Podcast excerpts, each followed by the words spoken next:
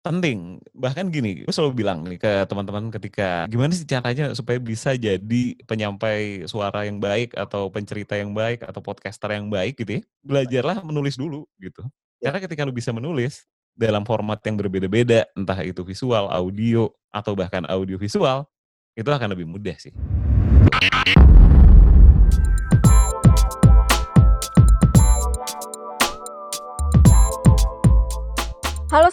Kita ketemu lagi di PR Talk by We Are PR.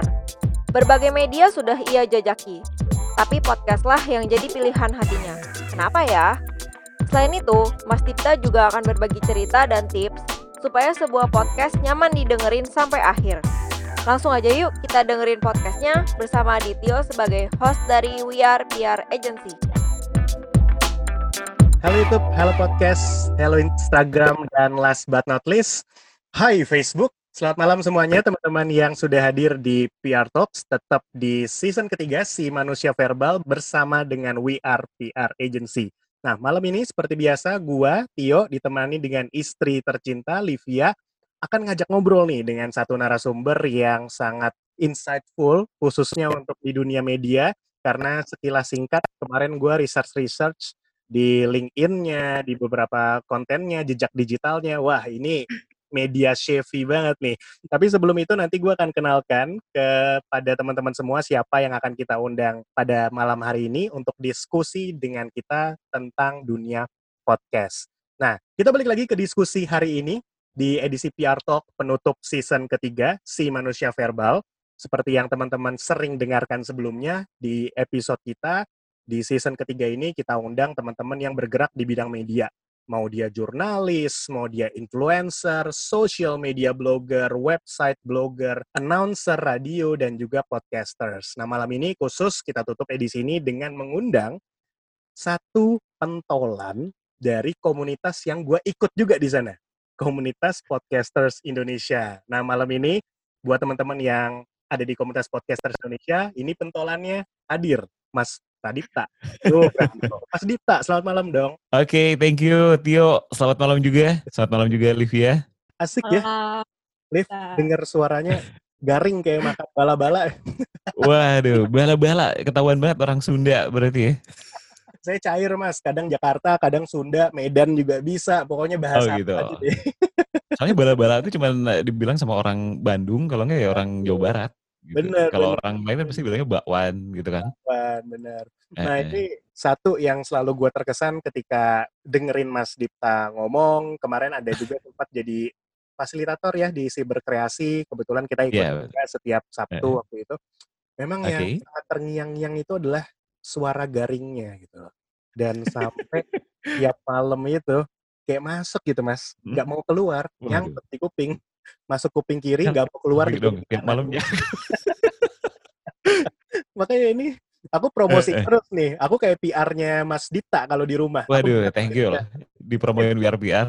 Yo, ini, ini, ini enak banget suaranya, asik banget suaranya. Nah, akhirnya di eh. edisi eh. penutup ini kesampaian eh. kita undang Mas Dita Waduh. dengan suara garingnya. Nah, uh, kita langsung aja masuk ke pertanyaan. Boleh, gitu. boleh. Gue hmm. akan hmm. banyak nanya Mas Dipta sama Livia tentang Aduh. apa sih yang Mas Dipta lakukan dan juga kenapa memilih hmm. menjadi podcasters untuk saat ini. Karena buat teman-teman semua PR people yang uh, belum tahu, ini Mas Dipta keren banget. Sebelum berkecimpung atau pada saat mulai berkecimpung di dunia podcast, Mas Dipta hmm. ini kalau di LinkedIn-nya adalah VP dari konten community Inspigo. Yeah. Sebelumnya okay. lagi, Mas Dipta juga hmm. sudah lama banget di dunia media gitu ya. Eh, Sempat ada di Tech in Asia dengan segala macam hmm. pengalaman yang dipunya. Jadi pertanyaan pertama nih buat memulai Mas Dipta. Eh, dari sekian banyak pengalaman dan kanal publikasi berita yang pernah dikerjakan, kenapa pada akhirnya jatuh cinta nih sama dunia podcasting? Silakan Mas Dipta. Oke, jadi gini, kalau podcast secara ofisial gitu ya, mulainya di 2015. Waktu itu kan ya. kerja untuk teknisi Indonesia ya. ya. Tren new media lagi masih riak-riak gitu lah, riak-riak kecil. Dan uh, gue sebagai dulu pernah ada di industri radio gitu, ya. pengen mengembalikan nuansa radio dengan style yang beda gitu, dengan lebih digital. Nah, jadi ke mana? Podcast lah, gitu. gitu. itu sih kalau singkatnya gitu 2015 waktu itu belum seperti sekarang ya industri podcast Indonesia khususnya gitu kalau dunia mungkin udah ada walaupun juga belum segede sekarang tapi lumayan pada saat itu lumayan lah kita berhasil menjadi pembeda ya dalam mendistribusikan informasi gitu. Nah kalau boleh tahu Mas Dipta ini hmm? punya kanal podcast pribadi atau enggak sih sebenarnya? Oke, okay. ada sebenarnya dulu ada, dulu ada. Sekarang baru uh, bikin lagi karena kemarin kan hampir uh, di dua tahun terakhir kerja untuk platform podcast lokal ya. ya. Nah jadi tidak merilis uh, podcast di luar platform tersebut, tapi belakangan sih rilis lagi. Jadi sama Mr. Popo, kalau tahu Do You See What I See, ya. dan uh, satu partner gue lagi ada Deki Andika namanya kita bikin Ready, Get Set Go. Itu podcast gaming dan teknologi sih. Oh, itu.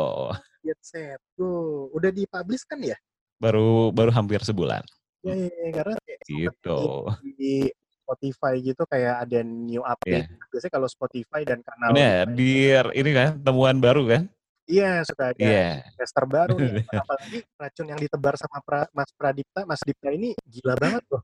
Dengan komunitas yang sekarang udah mulai apa ya bisa dibilang kalau dalam bahasa gue ini kok mulai bacot nih maksudnya bacot tuh anak-anaknya udah mulai ngomong bukan cuma listening doang yeah. Iya. mereka udah mulai eksekusi dan akhirnya itu di Spotify gila sih banyak banget update-update produk podcast yeah. terbaru ya dengan segmentasi hmm. informasi yang bermacam-macam gitu. dan benar-benar menurut Mas Pradipta sendiri dengan adanya uh podcast terbaru dan segala macam dengan diskusi yang macam-macam huh? itu sebenarnya apa yeah. sih diinter dari dari pertumbuhan yang udah masif ini di Indonesia apalagi hmm. pandemi, pandemi mendukung orang buat kreatif Iya, sebenarnya gini sih. Kan banyak orang bilang ini udah gelombang ketiga podcast Indonesia gitu ya dari 2018, 2019, 2020. Okay. Semenjak uh, Spotify beli Anchor gitu. Uh, paling heboh kan itu kan.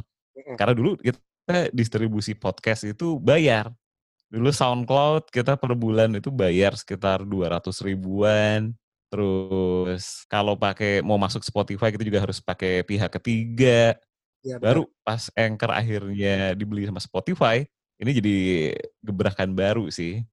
Nah, buat orang Indonesia sendiri dengan jumlah penduduk kita yang segitu banyak, sebenarnya persentase orang yang dengerin dengerin aja masih sedikit. Yang tahu mungkin lebih banyak tapi juga belum berbanding lurus sama jumlah penduduk kita yang hmm. salah satu terbanyak di dunia ya. ya.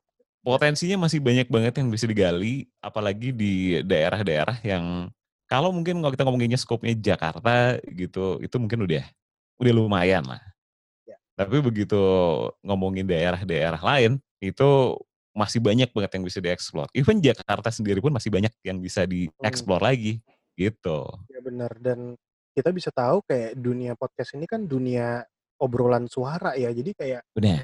Lu nggak nah. punya batas apa yang mau diomongin gitu loh. Walaupun kayak yeah. misalkan uh, gue punya mas jujur di konten PR Talk by WR hmm. PR Agency ini fokus kita kan ngebahasnya tentang public relations, marketing, okay. dan juga business hmm. mindset kan. Tapi nggak iya. sedikit yeah. juga ketika kita ngundang teman-teman yang selain profesinya sebagai marketing dan uh, dunia jurnalisme, mereka punya hobi lain misalkan hobi tentang Hot Wheels, hobi tentang okay. mainan, hobi tentang gaming atau yang cewek-cewek hobi masak dan hobi ngoleksi barang-barang fashion. Itu kadang kesebut juga, kesebut dan jadi pembahasan yang menarik gitu loh. Yang Bener. menurut gua itu yang membedakan antara dunia suara, obrolan dengan dunia hmm. tulis dan juga foto. Karena kalau di oh, okay. dan foto kadang udah ter, terstruktur kan kerangka beritanya, yeah. kerangka informasinya. Uh ketika kita out of context itu susah dikembalikan lagi dan jadinya tulisan atau fotonya tuh ini apa sih headline sama paragrafnya masih nggak nyambung yeah. ya seperti itu mm. tapi kalau di dunia yeah. suara ini orang kayak ngobrol santai dan ketika kita out of topic mau dibalikin lagi atau mau disangkut-sangkutin lagi itu sesuai dengan kreativitas pembawaan si announcernya atau si podcasternya mm. Is that correct? Menurut Mas Pradipta gimana? Iya, benar. Jadi gini, uh, si podcast ini kan banyak orang bilang podcast ini era baru dari ranah radio. Sebenarnya enggak juga sih. Tapi hmm. gini, yang pasti podcast ini punya kekuatan di personal approach gitu. Jadi kita kalau nyari konten yang tadi kayak Tio bilang uh, lebih personalized gitu kan, bisa tidak sekaku itu, terus uh, fleksibel, terus ya orang mau dengerin apa ya dia yang mengatur gitu. Iya podcast jawabannya gitu. Dan itu yang benar-benar membuat mungkin ya baik dari hmm. pendengar maupun si pembuat podcast dia merasa attach dengan kontennya sendiri karena dia Benar. memiliki kebebasan untuk bisa berekspresi sesuai nah. dengan apa yang mereka tahu dan apa yang mereka kenal. Yang penting buat teman-teman para podcasters ya refleksikan diri kalian sejujur-jujurnya jangan sampai make things up ya kalau bahasa orang. Jangan sampai bohong juga di podcast lu bohong. Aduh, bahaya ntar kalau ketahuan nyatanya nggak gitu. Eh. Ya, nggak enak juga buat reputasi kan. Balik lagi tadi Mas tadi tadi yang harus gua highlight adalah uh, podcast ini kental dengan personal content. Personal content yang Bener. bisa develop nggak hmm. cuman hmm. dalam setiap episode dan nggak cuman dalam setiap uh, segmen atau season yeah. gitu iya. ya. Tapi during the podcast selama 30 menit, 15 menit atau 20 menit lu ngobrol, lu hmm. bisa membuat personal attachment ke konten kalian.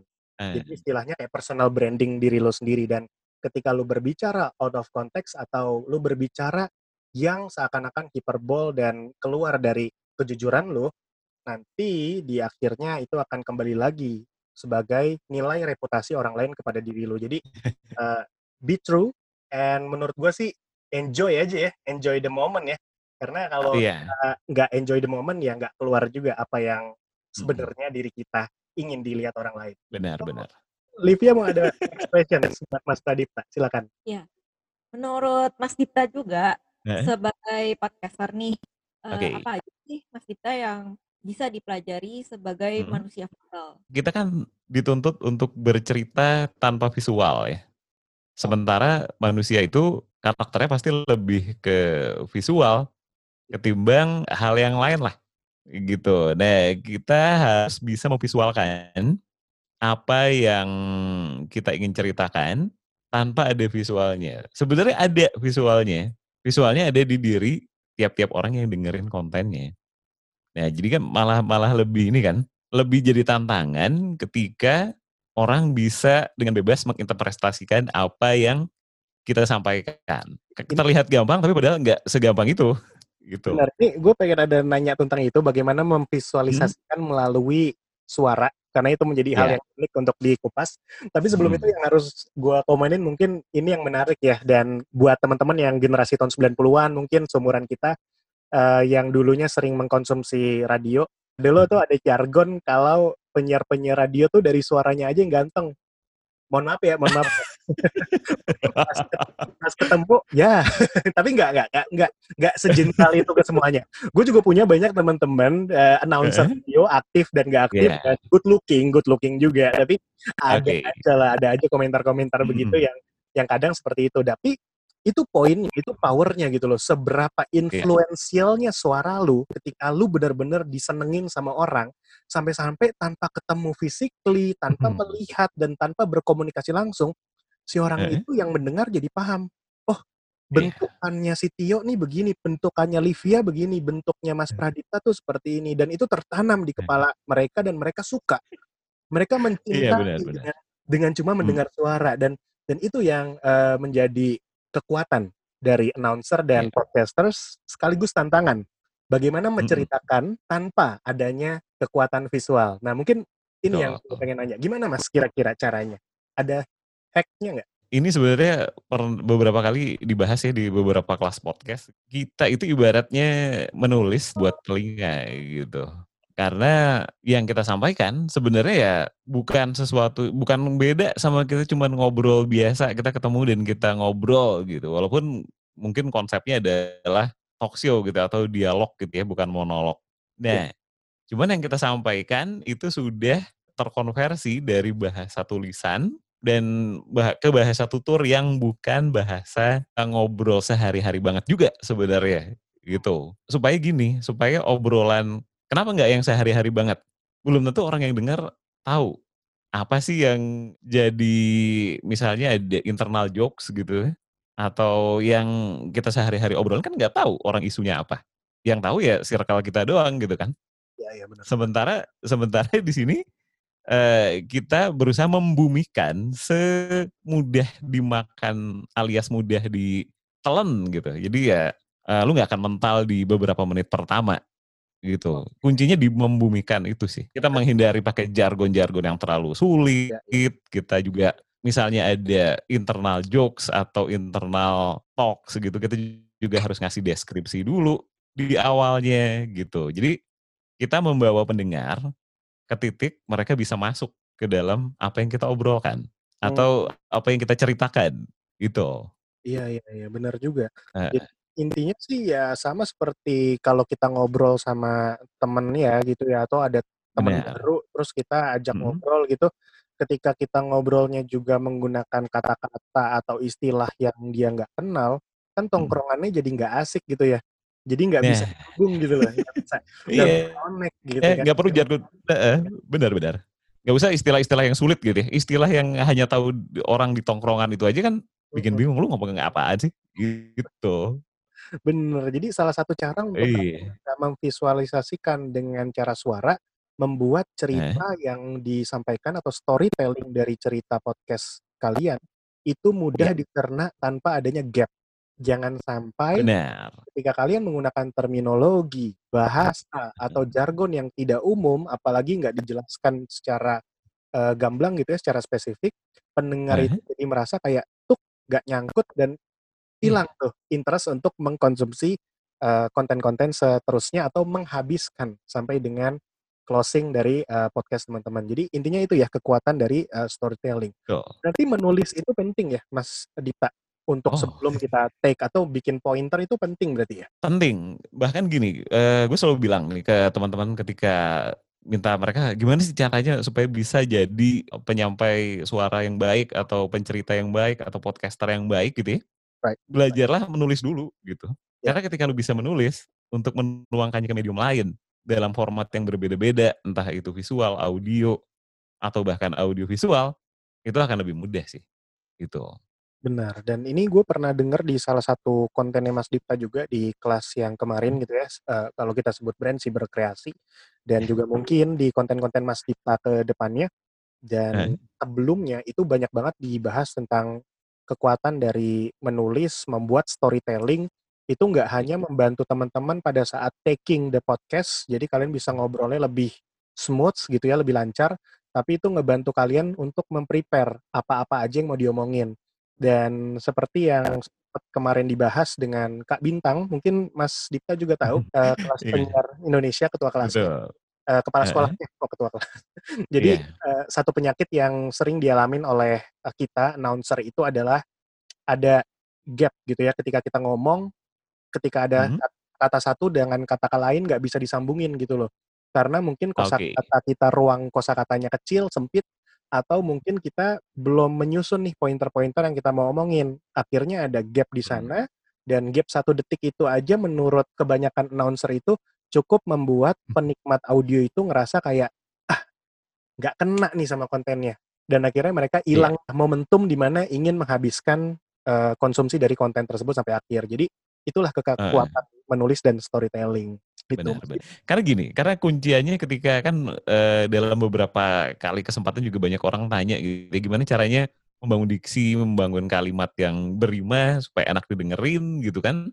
Artinya kita harus punya banyak referensi kata-kata di memori kita kan. Gak semuanya bisa kita tulis secara mendetail di skrip gitu. Ya iya. bisa yeah. aja sih. Bisa aja. Cuman kan itu satu makan waktu, dua mungkin akan jadi kaku gitu. Betul. Di sini ketika kalau eh, dia bisa menulis dengan baik gitu ya, maka untuk mengkonversikannya ke medium lain itu akan lebih mudah sih. Benar, dan itu juga bisa ngebantu buat orang-orang yang kayak gua nih, Mas Dipta, hmm? yang baterai ya. mulutnya yeah. tuh kelebihan, bisa bilang bocor lah ya. Jadi bikin acara talk show tapi ngomongnya menitnya lebih banyak dari narasumbernya. itu juga yang selalu gue kurangin sih, karena kan ketika lu bikin conversational yeah. atau talk show gitu ya, the starringnya kan it's not you gitu, the starringnya adalah yeah. orang yang diundang. Jadi kadang uh, eh, gue juga suka memahami kalau kondisi itu di mana gue harus balance nih walaupun gue hmm. punya kemampuan untuk bicara tapi gue harus balancing itu dan membuat skrip atau talking pointer itu sangat ngebantu untuk gue refleksi pada saat gue men melakukan taking the podcast gitu ya, melakukan perekaman. Hmm. Karena gue tahu, hmm. oh after this gue harus langsung loncat ke topik ini atau oh gue nggak boleh terlalu banyak nih uh, ngasih pembahasan di sini. Yeah. Jadi cuma kayak yeah. ngasih insight-insight atau tambahan dikit sesuai dengan kemampuan gue si PR dan marketing itu sendiri. Nah, Oke. Okay. Ini sebenarnya ada kaitannya juga loh sama penulisan. Karena dulu tuh uh, banyak orang yang udah jago di bidang nulis ya. Menulis itu bukan untuk menulis panjang, mm. tapi belajarlah menulis pendek gitu kan. Nah ini sama ketika ke dunia audio seperti ini gitu kan. Kalau kita menjadi host, ya gimana pun tidak menjadi host ya. Misalnya monolog, uh, kita tahu di mana batasnya, tapi pesannya tetap tersampaikan. Oh, dengan efisien dan efektif gitu. Keren, keren, keren. Salah satu teori public speaking yang selalu gue tanemin di kepala gue, Mas. Kebetulan gue iya. dengar yeah. juga dari salah satu narasumber kita di podcast PR Talk ini. Hmm. Public speaking ketika kita mendengar lebih banyak dan mengobservasi lebih banyak dan bicara secukup. Uh. That's the public speaking. Betul. Iya, iya, iya. Dan uh. dengan kemampuan public speaking yang banyak, gue yakin anak-anak Indonesia tuh kemampuan public speakingnya pasti banyak banget. Terbukti. Ini iya.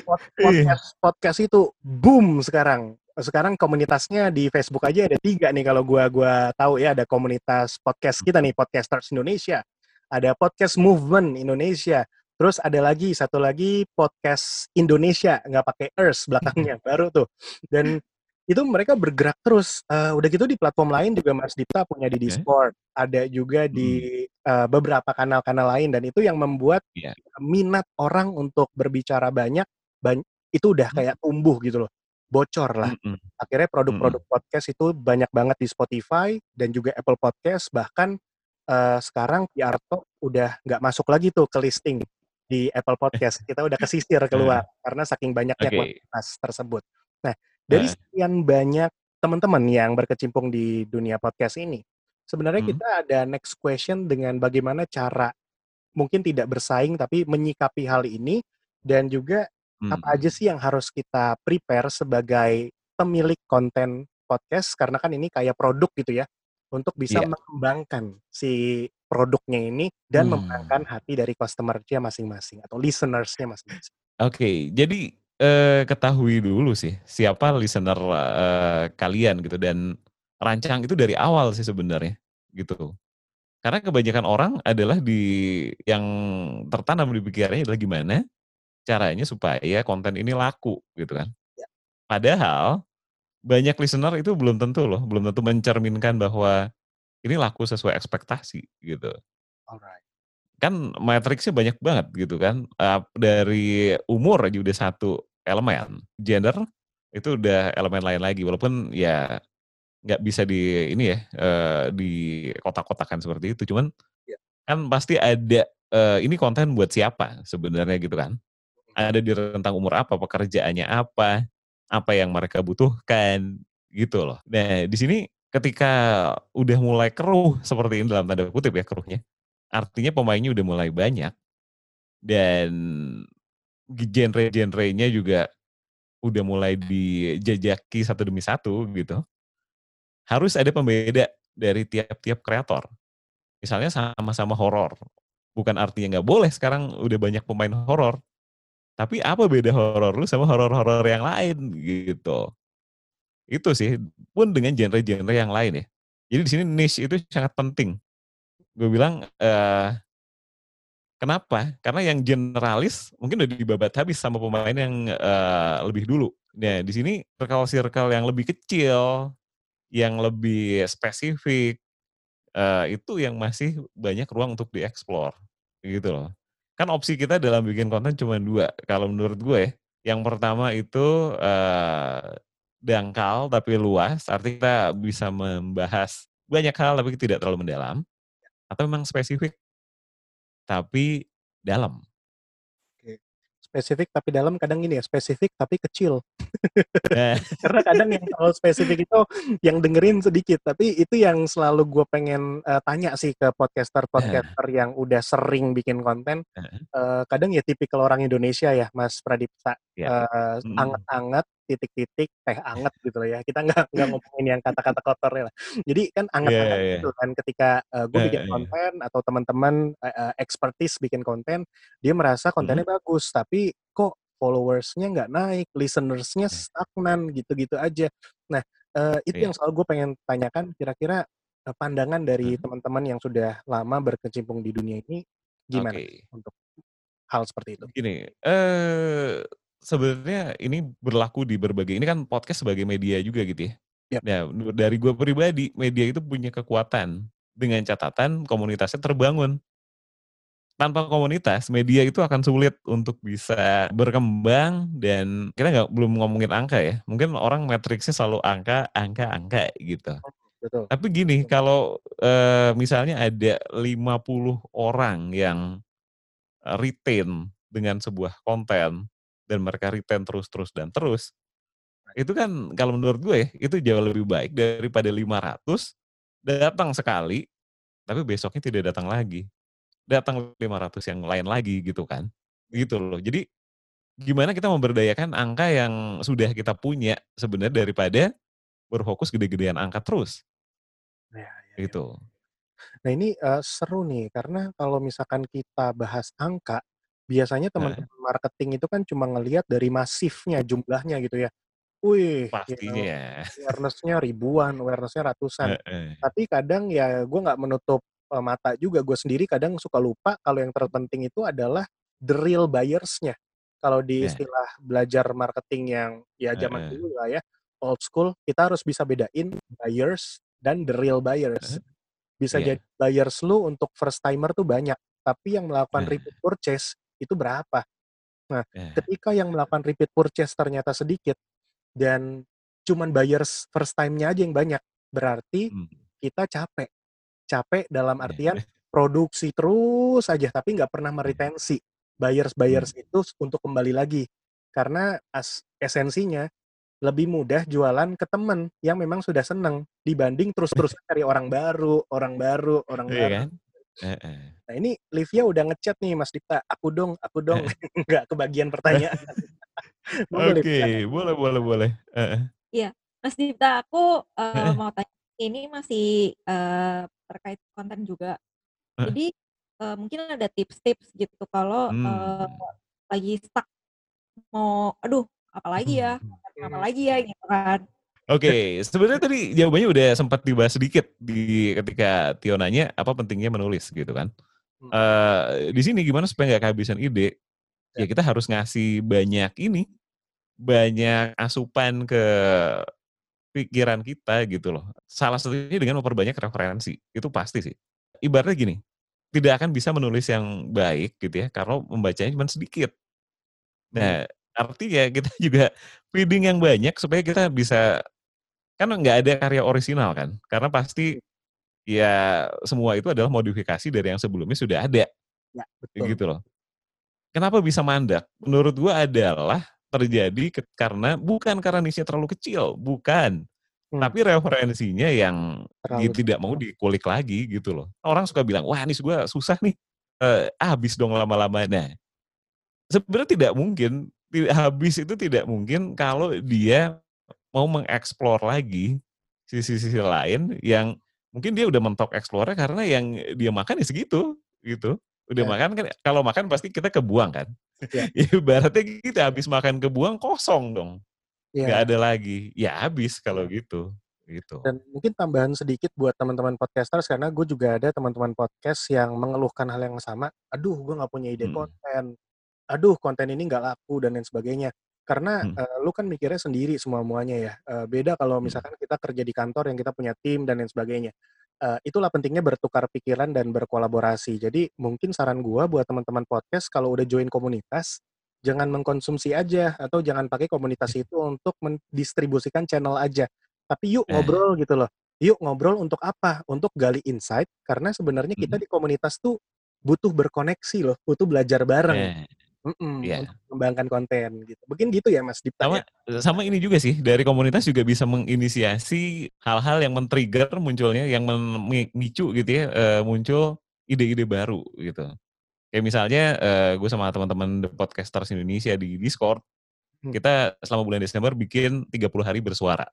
Hmm. Nah itu di selama 30 hari itu udah ada tema per hari gitu, Nah, ya. di situ kan memancing dan memaksa orang-orang yeah. baik yang udah punya podcast ataupun belum baru mau bikin sebelumnya udah pernah bikin tapi mandek ah. untuk ikutan dan ya lumayan lah ya dapat uh, at least ada 30 konten baru dari masing-masing orang gitu. Dan dapat ide topik gak sih? Dan ketika yeah, topiknya bener. itu sesuai dengan listenersnya balik lagi nih waktu yeah. kita ada di satu kelas berkreasi yang katanya Mas uh, Raditya Dika Pareto 80 20. Yeah ketika 20 persennya ini dikonsumsi orang lebih banyak, ya udah dibedah. Hmm? Kenapa dia senang? Nah. Apakah narsumnya, topiknya, atau cara kalian membawakan? Nah, terus lagi deep dive lagi, dig in lagi, dan buatlah hmm. konten yang disenengin sama teman-teman punya listeners gitu. Tadi pertanyaan kedua apa, Liv? Sempat kepotong tadi. Iya. Ini uh, udah bukan konten lagi sih. Mau nanya soal yang lain. Boleh, boleh, boleh. boleh. nih uh, cara Mas Dita huh? compete untuk tesnya Ready Set Go. Ready Get Set Go, ha? Yeah. Oh, competition ya, strategi ya. Menarik ya. Kompetitifnya kan yang ditanyakan tadi? Iya. Yeah. Gini aja sih kita uh, kita mengambil seruk yang kita paling nyaman sebenarnya jadi gitu. Tapi nggak cuma nyaman di kita ya. Kira-kira buat si audiens ada value apa? Itu kedua. Tapi pertamanya adalah kita mikirin kita feeding ini buat kita dulu gitu. Baru setelah itu orang bisa mendapat apa dari konten yang kita bikin supaya itu jadi bensin tambahannya kita juga hmm. gitu. Dan jangan berpikir untuk langsung menang. Kita belajar prosesnya dulu sih yang pasti gitu. Pernah nggak Mas Dita ngerasa kayak ini just nah. want to know aja kayak pengen tahu hmm? uh, udah nentuin satu segmen nih atau satu jenis pembahasan katakanlah hmm. satu produk podcast. Terus yeah itu udah pede banget nih, udah research segala macam. Eh ternyata, hmm? oh kok gay bahasnya nggak enak nih antara kitanya nggak nyaman atau listenersnya nggak nyaman dan uh, pernah nggak yeah. ngerasa kayak wah salah gue. Terus apa sih yang dilakukan? Apakah itu di delete aja semuanya atau pelan-pelan yeah. di pivoting dengan mengarahkan ke pembahasan oh, okay. yang lebih menarik atau apa? Karena gue yakin yeah. Mas Dipta, gue juga sering ngobrol ke teman-teman banyak banget yeah. yang bikin podcast itu kan awalnya dia nggak tahu ya, nggak seperti yang tadi Mas Dipta kasih uh, tahu kalau lu mesti tahu hmm. audiensnya hmm. dulu, at least lu bikin persona targetnya dulu, terus uh, yeah. cari opsi mau konten seperti apa hmm. dan detail-detailnya. Banyak yang hmm. sekedar uh, just try lah gitu kayak ah, hmm. coba dulu deh jalan. Eh di tengah jalan, oh enggak nih, gue nggak gini banget nih. Terus bingung cara gue ngetwistnya gimana. Akhirnya bubar jalan gitu. Nah kalau Mas Dipta di kondisinya Mas Dipta gimana? Oke, gini, sebenarnya lebih ke salah itu nggak apa-apa. Jadi kita bisa gini, berubah itu bukan suatu hal yang segitu memalukan gitu. Misalnya hmm. uh, sebelumnya kita formatnya X gitu, terus berubah jadi format Y gitu kan. Nggak oh. ada masalah selama memang di tengah perjalanan itu kita tahu kenapa kita harus berubah ke format Y. Mungkin dari kita melakukan analisis banyak hal gitu ya, dari data, dari ini apa? interest audience, dari user interview juga mungkin kalau memang levelnya lebih kompleks gitu kan. Nah, di sini berpindah itu sah aja, tapi dengan dasar yang jelas. Dan tujuannya adalah untuk mendapatkan audiens yang memang tadi balik-balik lagi tadi memang sangat peduli dengan kita sebagai penyedia media gitu atau sebagai kreator mungkin gitu kan kalau akhirnya mati kutu gitu atau akhirnya memutuskan mundur hanya dalam tanda kutip karena wah kayaknya untuk nge-twist ini ke hal yang lain nggak kita banget deh. Sayang banget justru kan. Saya buat karena sebenarnya bisa jadi setelah lu nge-twist itu jadi sesuatu yang beda potensi yang tadinya nggak keluar jadi keluar banyak orang yang terbantu sama apa yang lakukan. Yang sebelumnya salah ya udah nggak ada noda nggak belajar gitu. So celebrating failure nggak sih kayak ya lu seneng aja dengan kesalahan yang lu buat karena itu menandakan lu belajar dengan itu. kesalahan itu dibanding itu permasalahannya jarang banget orang yang pede dengan kesalahannya gitu. Hmm. Dan, pede dengan keberhasilannya banyak nah. gitu kan. That's why itu yang bikin orang Indonesia seneng banget bikin podcast, Mas. Karena dia pede dengan mengekspos apa yang dia tahu. Tapi pada anyway itu adalah sesuatu yang umum karena manusia semuanya di hmm. tingkat Maslow pun berpikir kalau di tingkat atas manusia adalah self esteem ya. Berarti yeah. memang kita tahu setiap manusia semuanya tujuannya ingin dikenal dan diketahui publik. Tapi yang paling penting adalah proses bagaimana kalian memperkenalkan diri yang sempat gue bahas di beberapa podcast episode sebelumnya, hmm. digital ini adalah tempat lu mencurahkan sebagian kecil dari kehidupan kalian di kanal-kanal yang ada. Dan ketika yeah. lu taruh di sana, itu jadi rekam jejak kehidupan kalian di sana. Tinggal bagaimana kalian memilih konten seperti apa yang pengen kalian kasih ke publik, eh? suara apa yang pengen kalian kasih ke publik, dan yang paling penting eh? adalah lu harus jujur, lu harus konsisten, dan juga bisa mempertanggungjawabkan apa yang keluar dari mulut lu, tangan eh. lu, atau ilustrasi yang kalian buat gitu. Iya. Dan yang paling menarik adalah yang harus gue highlight, kadang kita itu terlalu overthinking ya. Uh, gue sendiri Mas Dipta, gue sering banget hmm? berpikir kayak merubah itu kayak kekalahan gitu loh, bukan kekalahan juga ya kayak merubah itu sesuatu hal yang buruk karena gue eh. berpikirnya gini, gue udah lakukan segala macam hal misalkan kayak 100 episode, tiba-tiba di episode ke 101 berubah, kayak gue takutnya tuh hmm. audiens kita tuh merasa wah ini tiba-tiba berubah nih, berarti 100 episode hmm. sebelumnya dia salah atau gagal. Tapi sebenarnya balik lagi itu adalah overthinking overthinkingnya kita gitu loh. Belum tentu audiens kita, listeners kita atau konsumen kita tuh kepikiran sampai hmm. sana. Dan ketika kita berpikir kayak jadi inkonsistensi atau tidak konsisten, hmm. sekali lagi, sebuah konten itu pasti dimulai dengan inkonsistensi, apa pun aspeknya. Dan ketika lu lakukan itu berulang, berulang, berulang, itu akan menjadi hal yang konsisten. Jadi yeah. konsisten itu bukan berarti rapih di awal, tapi bagaimana hmm. lu mengeluarkan konten itu secara tepat setiap minggu dengan rencana yang lu lakukan. Ketika itu hmm. jumlahnya banyak, itu akan kelihatan kok konsistensinya. Jadi bukannya nah. kerapihan, bukannya branding, tapi nah. effort yang dilakukan berulang-ulang dan ulang gitu. Gitu ya Mas Dita ya? Betul, betul. Ini uh, suara yang ini kayaknya udah dari lahir ya Mas kayak gini. oh iya, ini ini banyak banyak banget ditanyain juga gitu. Sebenarnya iya, suara itu bawaan lahir. Hmm. Cuman gimana caranya kita memaksimalkan suara yang kita punya? Nikta Gina suaranya kayak begitu gitu kan atau Rico Ceper begitu gitu kan. Tapi mereka punya karakter. Suara bagus nggak pasti iya. suara bulat kok. Gitu loh. Iya, Kayak aku aja yang suaranya gak serak-serak gini banyak juga yang suka live. Kamu aja suka eh. kan. Pastilah, pasti setiap setiap setiap orang uh, di era sekarang apalagi ya yang personalization-nya udah kuat banget pasti punya marketnya sih. Gak mungkin gak ada. Alright. Pasti ada audiensnya masing-masing. Iya, pasti ada. Gitu. Oke, jadi uh, Mas Dita boleh di-share eh? mungkin tips-tips untuk teman-teman yang mau jadi podcaster hmm. atau lagi merintis membangun podcastnya nih okay. gitu. Hmm, tipsnya adalah yang pertama tahu dulu apa yang akan lo bikin dan kenapa. Terus eh, bagaimana nanti lo mengeksekusinya gitu. Jadi kan semua itu udah pondasi yang jelas gitu kan. Bukan sekedar coba-coba, at least udah berangkat dari tiga hal itu gitu. Terus Habis itu apa? Habis itu ya dibuat prototipenya. Nah, prototip itu kenapa nggak langsung sikat aja? Ya siapa tahu nanti masih perlu perubahan A, B, C, D belum terlalu jauh gitu kan.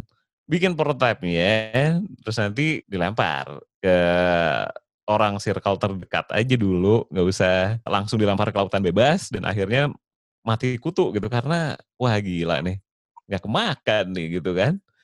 Kalau kita lemparnya cuman ke circle terdekat, ke orang-orang yang atau uh, kita tahu nih kayaknya kita uh, tepat buat melempar ini ke sini, ya di situ kan kita bisa dapat feedback di awal gitu kan. Nah, dari situ kita bisa repackage kontennya jadi wah kayak gini kayaknya lebih asik gitu sih. Jangan keburu-buru nyemplung ke lautan luas, sementara kita berenang di kolam uh, cetek aja masih belum fasih gitu. Mas Dipta sekalian colongan nih. Mas Dipta kan eh. heavy brandingnya. Karena udah bertahun-tahun um, nyicipin yeah. lah semua konten digital dan konten media gitu ya. Uh, ini adalah episode ke 30-an lebihnya kita uh, dan mm -hmm. ini adalah episode penutup dari 2020.